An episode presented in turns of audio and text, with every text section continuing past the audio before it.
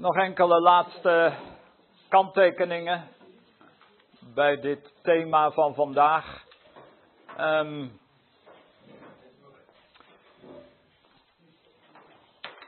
als je het hebt over die vraag, als God liefde is, en als je met elkaar nadenkt over het waarom, dan kun je in feite niet om Job heen. Nu, ehm, vanmiddag maar een enkele gedachte wat betreft Job. De naam alleen al, Job, is heel typerend. Job op zijn Hebreeuws Ejav. Dat betekent eigenlijk degene die een vijand heeft. Ejav. In het Hebreeuws vijand Ojev. Dus Ejav is eigenlijk der befeindete, de vijandig bejegende. De naam zegt al heel veel. De tweede verklaring die gegeven wordt van de naam Job is dat je het leest als Iav. Iav. En dan is het een vraag. Waar is vader? En dan is het ook een heel diepgaande vraag die daar in dat Bijbelboek tot ons komt. Want daar gaat het ten diepste om. Waar is vader? Als je Job daar ziet staan, dan is zijn hele wezen in feite die vraag. Vader, waar bent u? Want als het erop aankomt, gaat het in het hele boek Job om het godsbeeld. En ik denk rondom die vragen van deze dag draait alles om dat punt: hoe is je godsbeeld?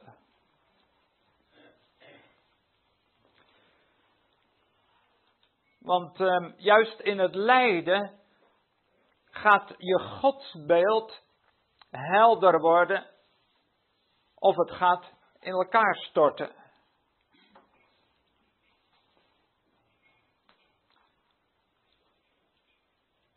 Ik moet denken aan wat Bartolt van Ginkel ergens vertelt. Het was um, in 1945 in Katwijk. En daar kwamen allemaal mannen terug uit de oorlog. En uh, nou, die waren dus helemaal vermagerd en fel over been. Konden nauwelijks nog um, lopen. En zo strompelden ze daar door de straten van Katwijk aan Zee. En daar stond een predikant met een ouderling.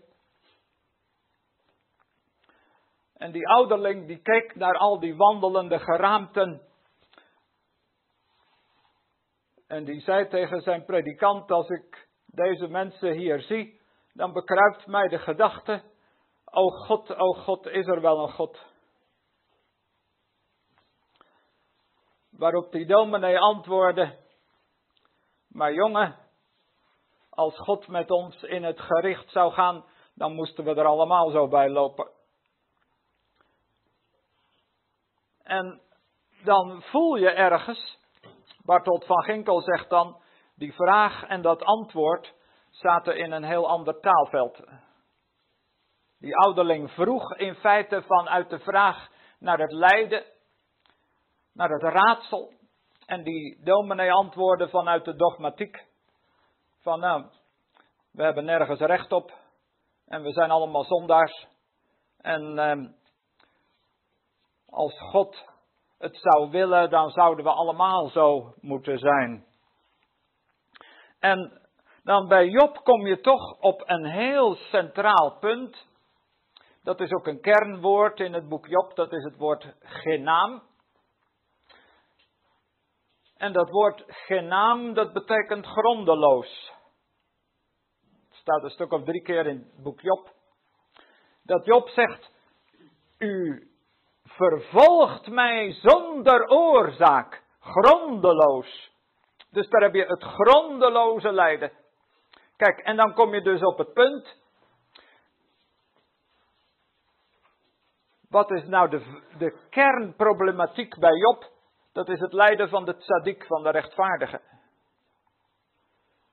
Want die vrienden, moet maar op letten, die vrienden doen alles om op de een of andere manier een oorzaak te zoeken. Job, kijk dat jij nou zo in de puree zit. Nothing comes from nothing. Niets komt zomaar uit niets. Je hebt vast wat gedaan. Job, kom dan maar naar voren. En uh, beleid je zonde. En dan zullen wij met je bidden. En oh broeder, dan gaat de zon weer schijnen in uw leven. Oh, dat hou je niet voor mogelijk. Job, kom nou maar. Net als die man jaren geleden in een gemeente. Ik zie hem nog zitten achter het orgel. Hij kon prachtig orgel spelen. Had een chronische ziekte. En toen kwamen de mensen bij hem in het ziekenhuis en die zeiden: Als je nou alles opruimt tussen de Heer en jou, dan zal hij je genezen. Dan denk je, ja, ja. Als je alles opruimt. Nou. Maar het schuldeloze lijden.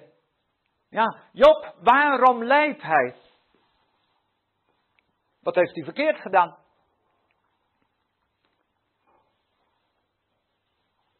En dan kom je op het punt, en dat is dan, want dat eerste hoofdstuk van Job en dat tweede hoofdstuk, daar heb je eigenlijk een verhaal in twee etages.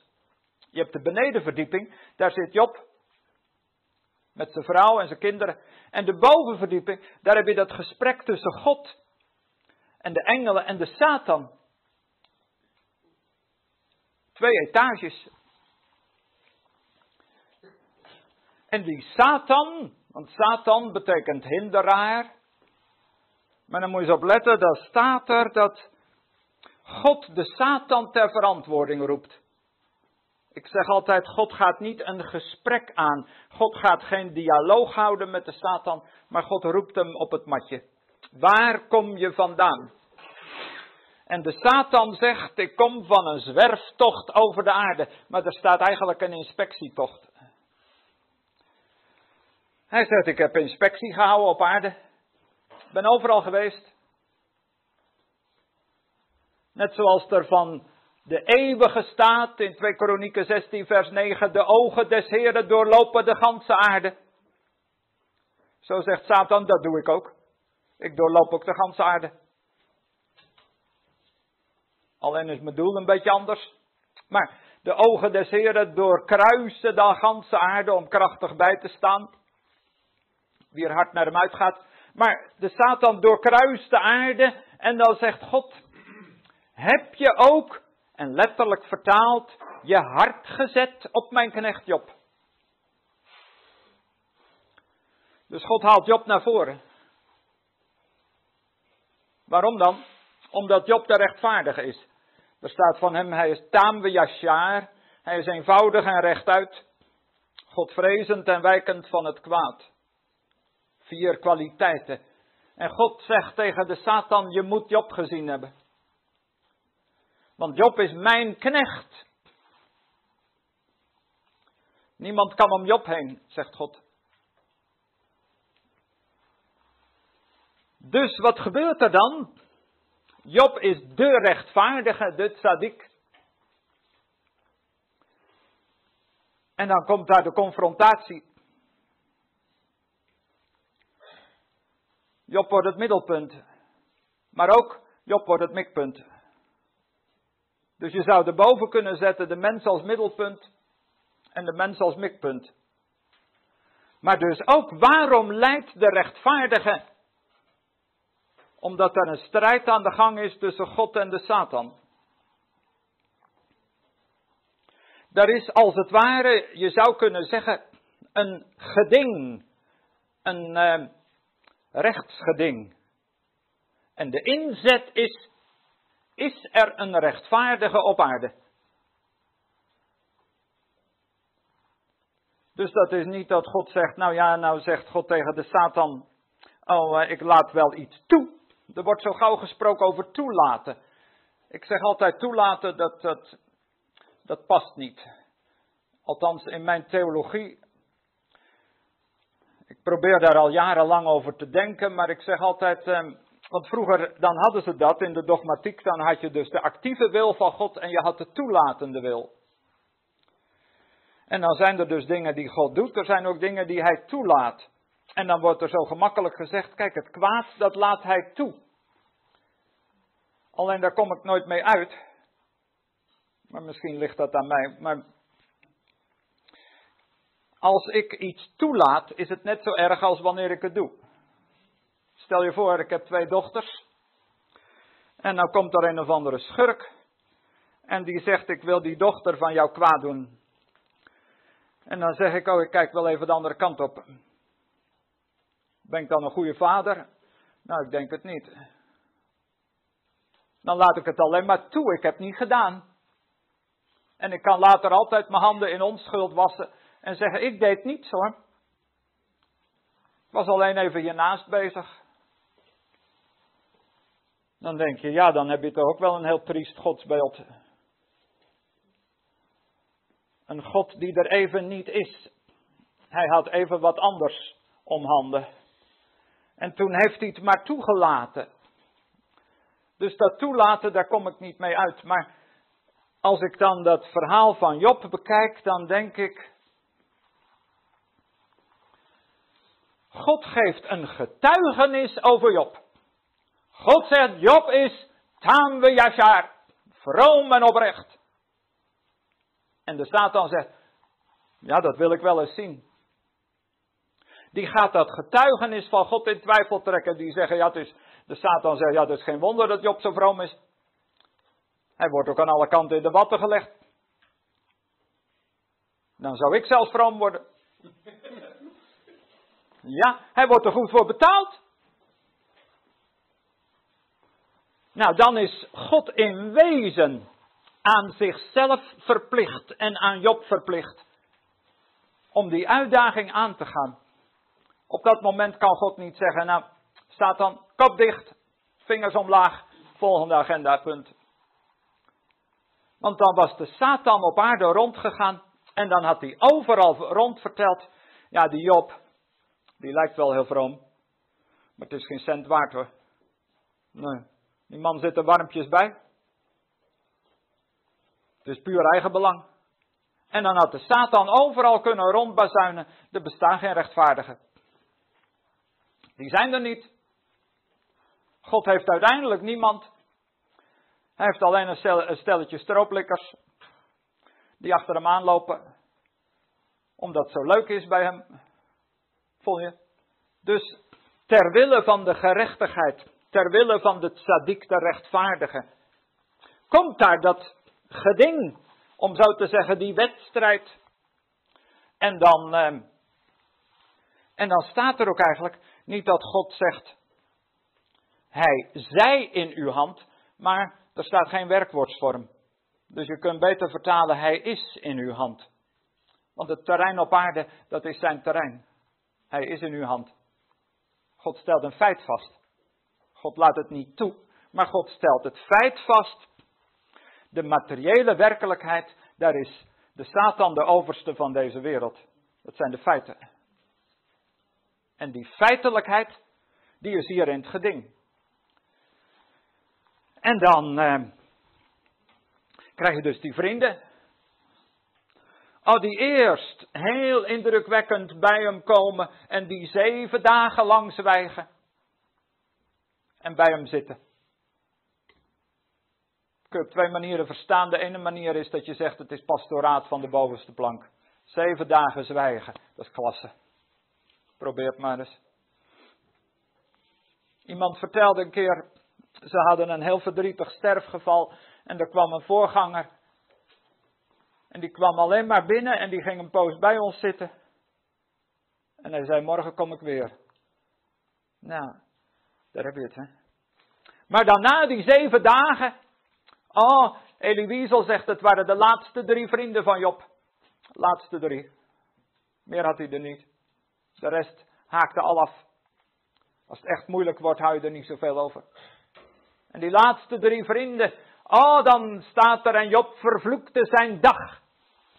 En dan zeggen die vrienden, ja, dit kan niet. Hè. Nu moeten we er toch wel een preek tegenaan gooien. En dan krijgt Job preken in drievoud. Ah, ze beginnen. Ah, ze hebben allemaal prachtige preken. En Job zegt, ik geloof er geen woord van. Want weet je, kijk, en dat is nou die hele worsteling op het godsbeeld. Moet je even kijken, Job 16. Dat is dan toch wel heel indrukwekkend. Job 16. Oh, dan gaat Job in hoger beroep.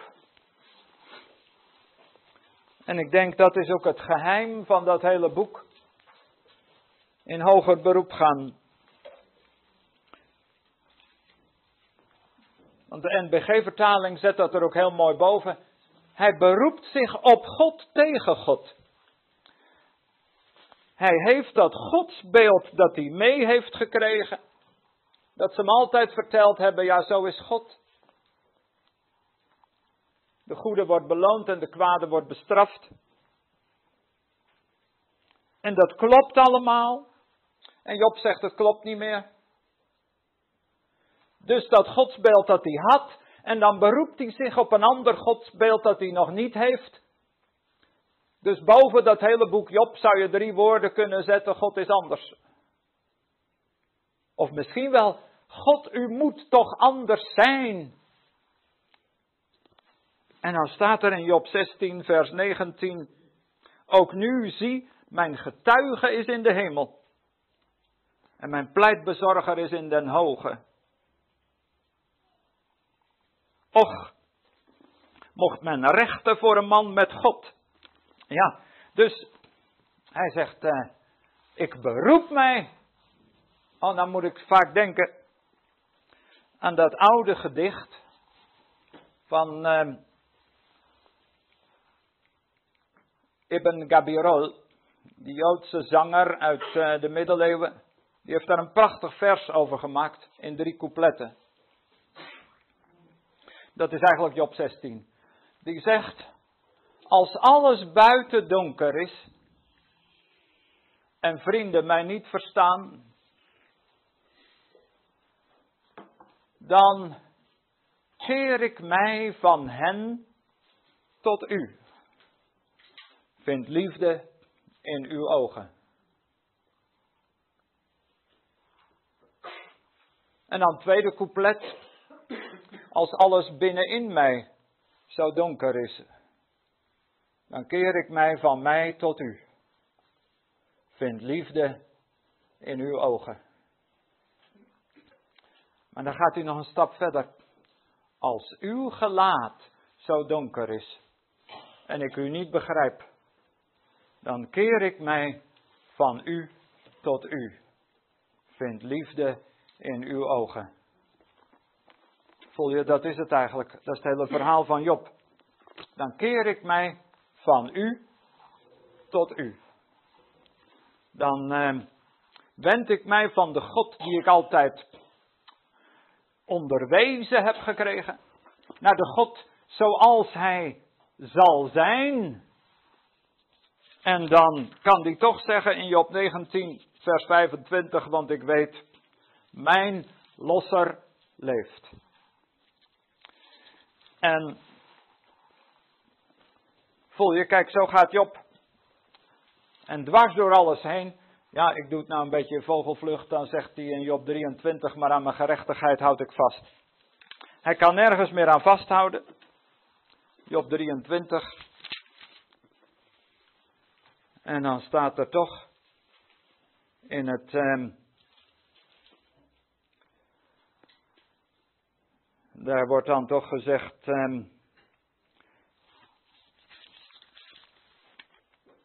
Dan zou de oprechte met hem pleiten in vers 7. En dan ook in Job 27, vers 6. Aan mijn gerechtigheid zal ik vasthouden.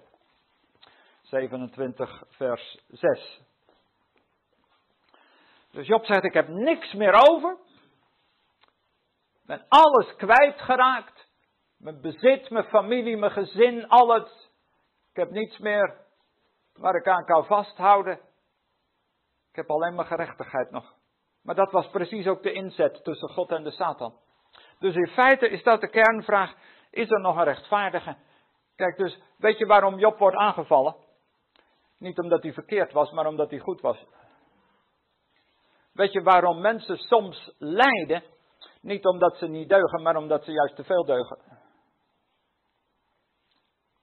Job werd aangevallen omdat hij boven het maaiveld uitstak. Omdat hij niet grijs was, maar wit. Nou, waarom werd Jezus verzocht in de woestijn? Niet omdat hij wat gedaan had, maar omdat hij goed was. Jan van Gijs zei vroeger: Je bent de schot van de duivel waard. Voel je, dat is het. En dus dan is het een teken van, nou, je bent blijkbaar iemand in de hemelse gewesten. En daarom uh, komen ze op je af. Dan, uh, dan is die mens. En daarom wordt de gemeente aangevallen. Dus juist waar de tzadikim zijn, de rechtvaardigen, ja, daar komen juist de aanvallen van het rijk der duisternis. Dus in wezen, de tzadik, dat is hier Job, dat is straks Jezus, dat is het lam en degene die met hem zijn.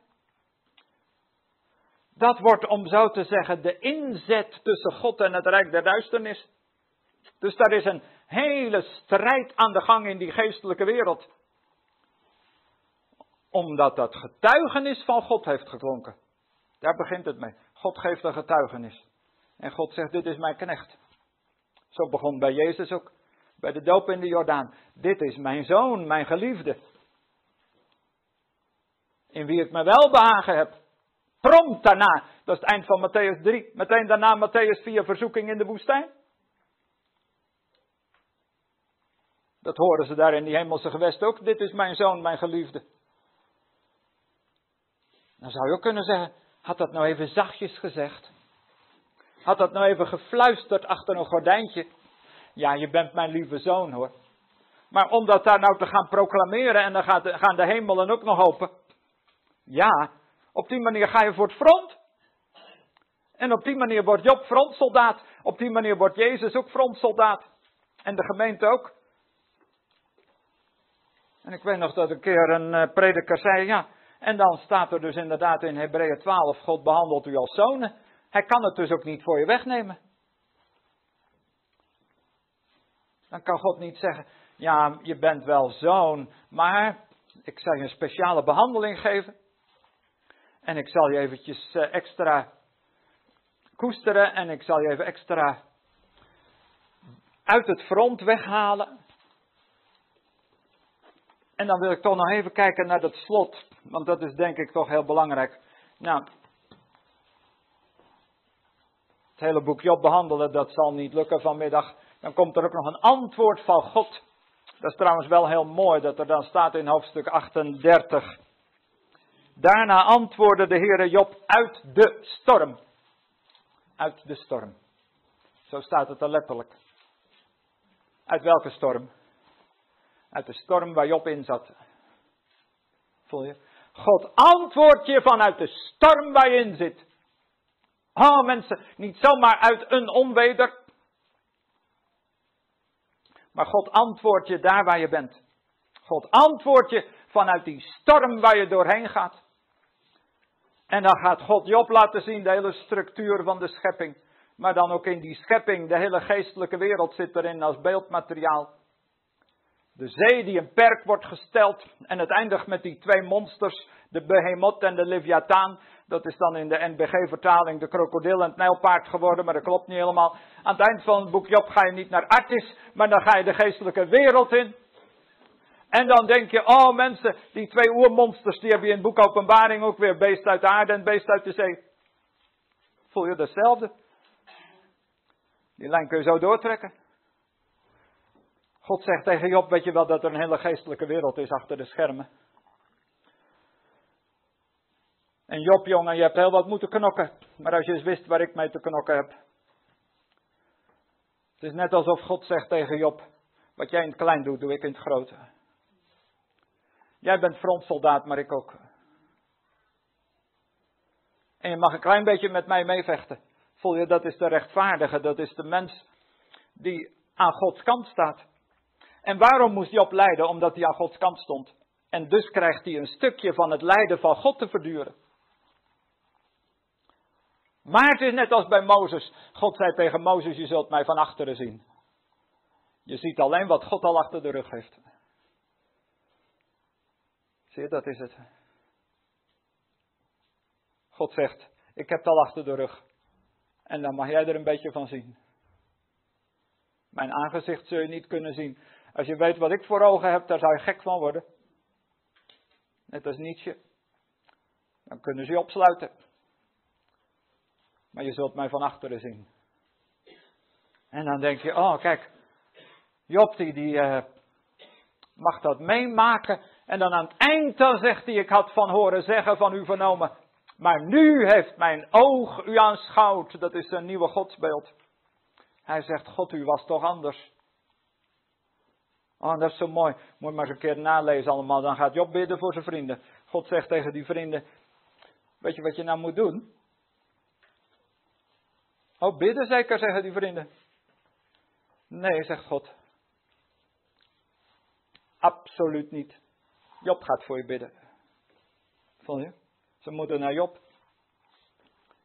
Niet die drie vrienden prachtige bidstond houden en zeggen: Oh Heer, wees ons genadig. Nee, zegt God, daar luister ik niet naar. Ik wil alleen het gebed van Job horen. En dat is het grootste. Want dan staat er ook: En God bracht een keer in het lot van Job. In zijn bidden voor zijn vrienden. Niet daarna. Maar dat bidden voor zijn vrienden, dat was de grootste omkeer. Want zou je nou willen bidden voor die lui? Daar komen ze met hangende pootjes. Job, wil je voor ons bidden? Dan zou je het ook zeggen. Jongens, jullie wisten het toch zo goed? Ga alsjeblieft een straatje om. Denk je dat ik ooit nog voor je ga bidden? Kijk wel uit. Maar het meest grootste is dat Job zegt: Jongens, kom maar. Ik bid wel voor je. Ah, oh, dat is pas de grootheid van de rechtvaardige Job, die gaat bidden voor zijn vrienden. Ach Heer, wilt u ze ook nog nabij zijn? Wilt u zich nog ontfermen over deze drie jongens? Want ze wisten ook niet wat ze zeiden. En dan staat er nog een heel bijzondere tekst. Heb u wel eens gelezen? Job 42, vers 6. Ja, daar gaan we dan langzamerhand mee eindigen. Job 42, vers 6. Maar dat moeten we wel even goed vertalen. Want de meeste vertalingen zeggen dan: Daarom herroep ik en ik doe boete in stof en as. Ja, klopt dat nou? Dan denk je, nou, dat uh, is koor op de molen van die vrienden. Job gaat herroepen, zegt de gebruikelijke vertaling. En hij gaat boete doen in stof en as. O Heer, ik ben fout geweest. En dan zie ik in gedachten die drie vrienden erbij staan. En die wrijven in hun handen. En die zeggen, zie het nou? Job op zijn knieën. Ja. Onze preken hebben toch geholpen. Ja, hij moet toch erkennen dat hij fout was. Goed zo, Heer. Ja. En Job maar. Ik doe boete. Maar wat staat er eigenlijk? En dan gaan we even kijken wat er vanuit de oorspronkelijke tekst staat. Shuraki vertaalt het, meen ik ook zo. En Elie Wiesel heeft het op een prachtige manier zo vertaald. En uh, dan staat er eigenlijk. Herroepen, ja, er staat letterlijk daarom verwerp ik. Er staat niet bij wat. Hij zegt daarom verwerp ik. Wat verwerpt hij dan? Nou, al die theorieën over God. Alles wat hij tot nog toe gehoord heeft, al die godsbeelden, daarom verwerp ik. En staat er dan, ja, ik doe boete, ja, maar daar staat het woord negam, negamti. En negamti kan ook betekenen ik ben getroost. Nou vertalen we het even zo. Hij zegt, en ik ben getroost. over stof en as. Dat is een letterlijke vertaling. Ik ben getroost over stof en as. Voel je wat dat is? Job zegt, ik heb nu ontdekt wie u bent. O God, ik ben gekomen tot een nieuw beeld van u. Al die andere beelden zijn opzij geschoven, zoals een gordijn opengaat.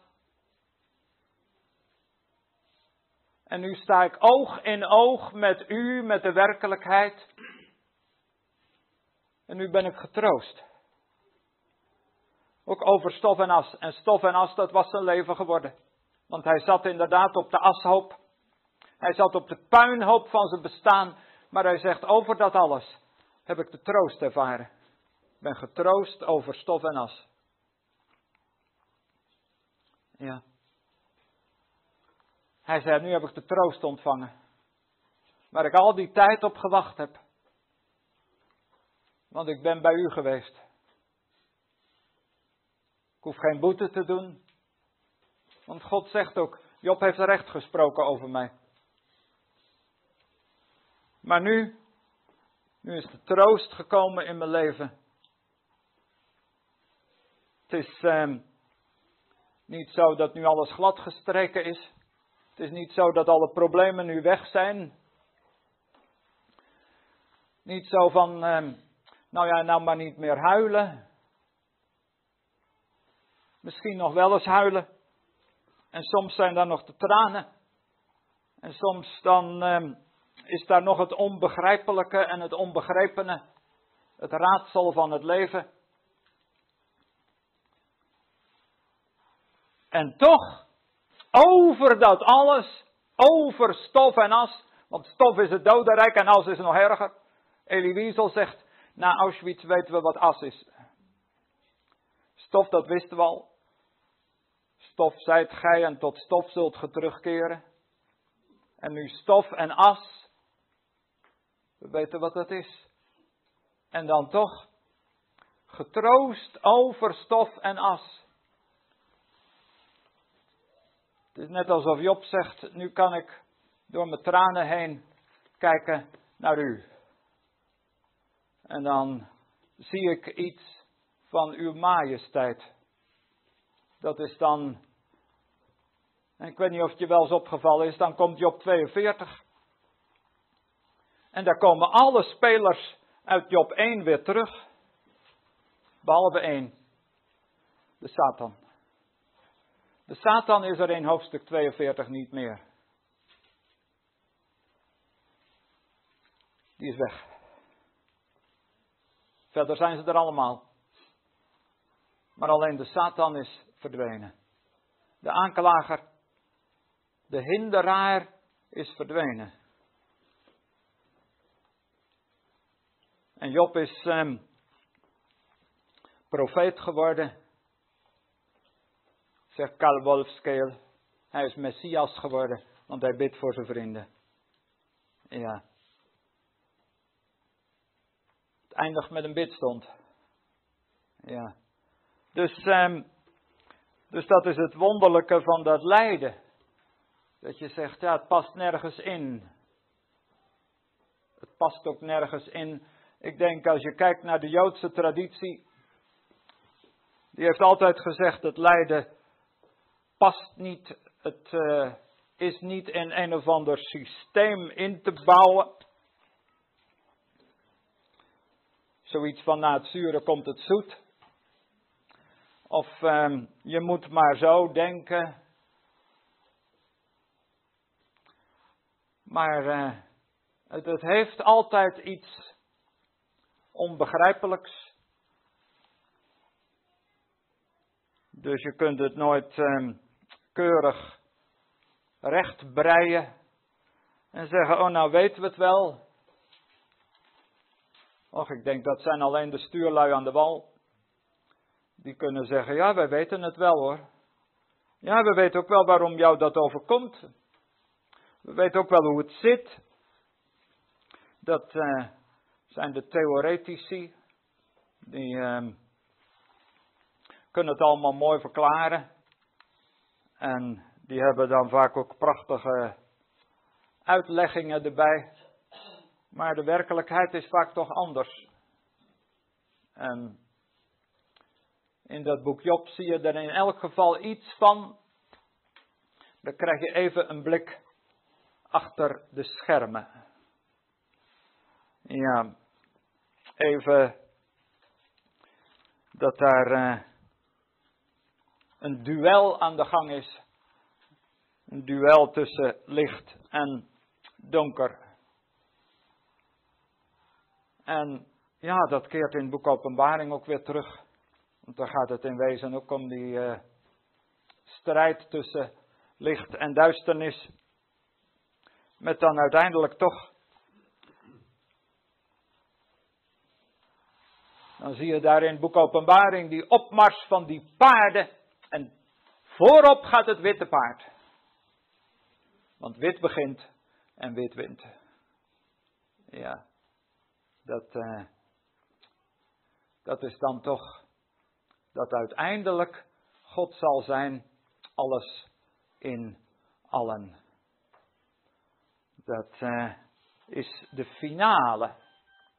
Maar uh, is dat het signaal dat we gaan stoppen? Ja, het is altijd. Vroeger ging dan de bel op school, hè? Of, of dan kwam de pedel en die riep Hora est. Dus uh, ja. Ja, dus. maar ik denk, ja, daar ga ik dan maar mee eindigen. Misschien nog een verhaal tot slot. Dat ehm, God ervoor gekozen heeft. Ja, voor de weg van de ontferming. Kijk, hè, wat we eerder zeiden, God zou veel vlugger kunnen. Als hij zou kiezen voor de weg van kracht en geweld, oh, dan was het al lang klaar geweest. Alleen moet je niet vragen hoe. Maar God heeft gekozen voor de weg van het geduld. Ja, dat kwam ik hier ook ergens tegen. Gods macht is vooral ook de macht van zijn langmoedigheid. Erg apayim staat er dan zo mooi in het Hebreeuws. Hij is lang van moed. Ja, hij is langmoedig hij houdt het uit. Hij is een priesterlijke God. En priesters, dat zijn mensen met eindeloos veel geduld. En God heeft nog veel meer geduld. Hij gaat de priesterlijke weg. En priesters die moeten heel veel geduld hebben. En daarom staat er ook van Jezus zo mooi dat hij zegt in Openbaring 1: Ik ben de eerste en ik ben ook de laatste. Ja staat in een lied. En gij die als allerlaatste op aarde wederkomt. Nou, een verhaal tot slot en dan ga ik eindigen. Wat betekent dat nou dat Jezus de laatste is? Soms wordt voor mij een regel tot een verhaal. De klas had gymnastiekles. En ze moesten een wedstrijd doen, hardlopen, atletiek. En daar stonden ze met z'n allen bij de start. En als je ze daar zag staan, dan wist je, daar staan er een paar en een van hen gaat winnen. En die stonden daar ook met heel veel bravoer en die waren tegen elkaar aan het opscheppen, ik ga winnen. Een van hen zou ook winnen. En daar stonden er ook een stel met de moed der wanhoop van ja, het is verplicht en we moeten meedoen. En...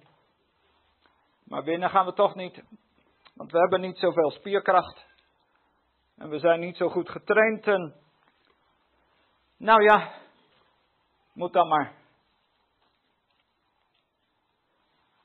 Het startschot wordt gegeven. En die enthousiastelingen die vliegen als een pijl uit de boog weg lijnrecht richting finish. En die anderen die beginnen ook te lopen. De stofwolk inademend, die de anderen achter zich laten. Op een gegeven moment komt een van die voorste ploeg aan de eindstreep en die wordt gehuldigd, die krijgt de lauwerkrans. En dan komt er een hele tijd niets. En het loopt al tegen de avond. En bij de finish zeggen ze tegen elkaar: Zullen we maar sluiten en naar huis gaan? Komt toch niemand meer. Nou, zullen we nog even wachten. En ja hoor, als het bijna donker is, daar komen die laatsten. Helemaal uitgeput en moe en uh, stoffig. En die slepen zich met veel moeite richting de laatste etappe. En tenslotte gaan ze daar over de eindstreep. En die achterste,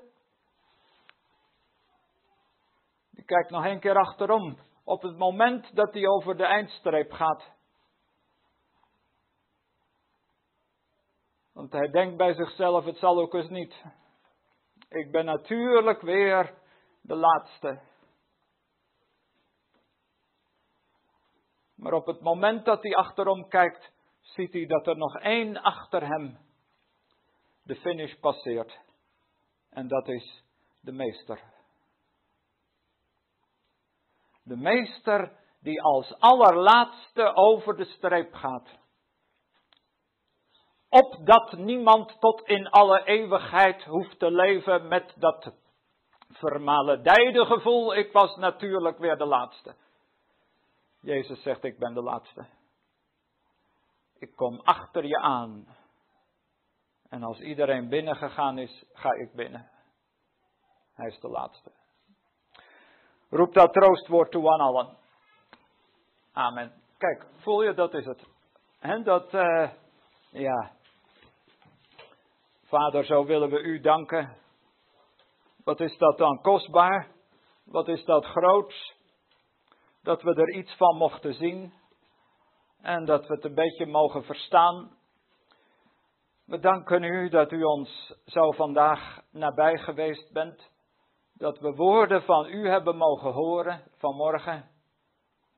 Dat we vanmiddag ook weer iets mochten bekijken met elkaar. We danken u voor dat aloude woord. We danken u voor dat onuitputtelijke woord. Ligt op ons pad. En we bidden u, wilt u het ook in ons hart uitwerken? Geef dat het toch nog wat mag doen in onze harten. Dat het een afdruk mag achterlaten. Een indruk. We bidden u, wees ons zo nabij als we van hier gaan. En leg in ons die taal van uw hart. Leg in ons die woorden van uw geest. Geef ons licht op ons pad. Wees ons zo nabij, u kent elk hart. U weet hoe we hier zitten. Misschien ook wel met vragen, met raadselen. U ziet ook de mensen met hun verborgen verhaal. Met hun tranen misschien. Of met de tranen die ze nog nooit hebben gehuild. Met het verhaal dat ze nooit aan iemand verteld hebben. U weet ervan. We leggen het in uw hand. U kent ons dieper dan wij onszelf kennen. Neem heel ons leven. Neem ook alle vragen en alle raadselen. En wilt u er iets van maken? En laat het dan maar stil worden van binnen. En dat er balsem mag zijn voor de ziel. Kom met uw genezende liefde. Kom met uw helende ontferming. En dat we dan toch mogen weten, gij gaat alle dingen voeren naar uw doel. Gij gaat ook alle mensen, heel uw schepping, thuis brengen. Het laatste woord is thuiskomst. En dan komt u zelf ook thuis. De thuiskomst van de koning. Als de laatste zonen thuiskomen en de laatste dochteren, dan komt vader ook thuis. Wees ons zo nabij. En we danken u dat u daar bent vandaag en morgen. En dat u dwars door alles heen uw schepping zult voleindigen. U bent begonnen en u maakt het ook af. En Jezus zal ook het volle loon ontvangen op zijn arbeid. Het volle loon, een volledig herstelde kosmos.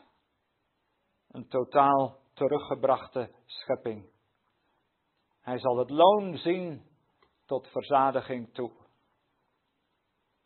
Gezegend is uw heilige naam.